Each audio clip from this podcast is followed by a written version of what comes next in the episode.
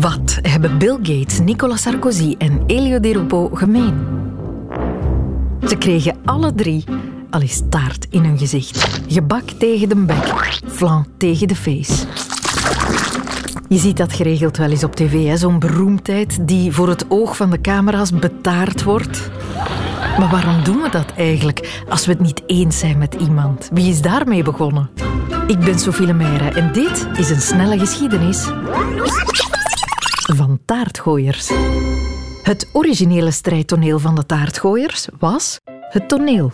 We duiken de wereld van het theater in. Ja, dat klopt. Het komt eigenlijk uit het uh, Vaudeville Theater, eind 19e eeuw. Sam de Wilde, journalist. Vaudeville, dat was lichtvoetig, komisch theater. De taart in het gezicht ontspruit daar aan het brein van theaterimpresario Fred Carno. Dat heeft er alles mee te maken met dat hij bezig was met een, een woordeloze komedie. Hij, hij, is begonnen met sketches te doen die heel uh, visueel waren en dus ook heel universeel. Voor iedereen verstaanbaar. Een taart in het gezicht, dat begrijpt iedereen. Die Carno bracht zo de slapstick binnen in het vaudeville theater. Slapstick is een vorm van zeer lichamelijk theater waarbij lichamen van alles te verduren krijgen. Zwiepende ladders in het gezicht, lantaarnpalen die in de weg staan, bananenschillen op de vloer en dus ook taarten in het gezicht. En uh, bij die Fred Carno hebben vele grote komieken uit de slapstick film, Charlie Chaplin, maar ook uh,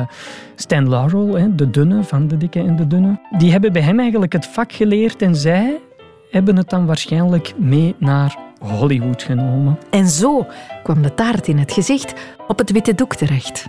De bekendste taart in het gezicht scène uit de filmgeschiedenis is er dan ook een van Laurel en Hardy uit The Battle of the Century.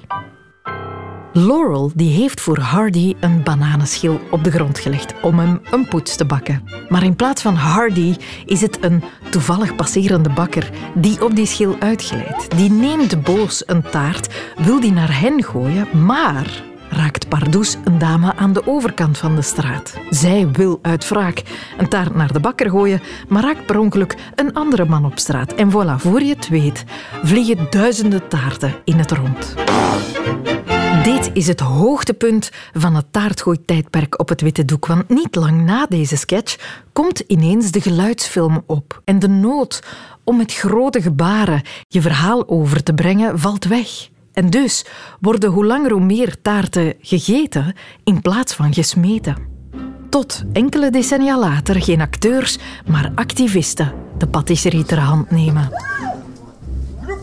Het politieke taarten gooien komt een beetje uit de eind jaren 60, begin jaren 70, uit de tegencultuur. Het gaat altijd om een, een scheve machtsverhouding die met een taart we doen een poging om die met een taart recht te trekken of zo. Het is misschien wel de gemakkelijkste, goedkoopste en opvallendste manier om aan activisme te doen.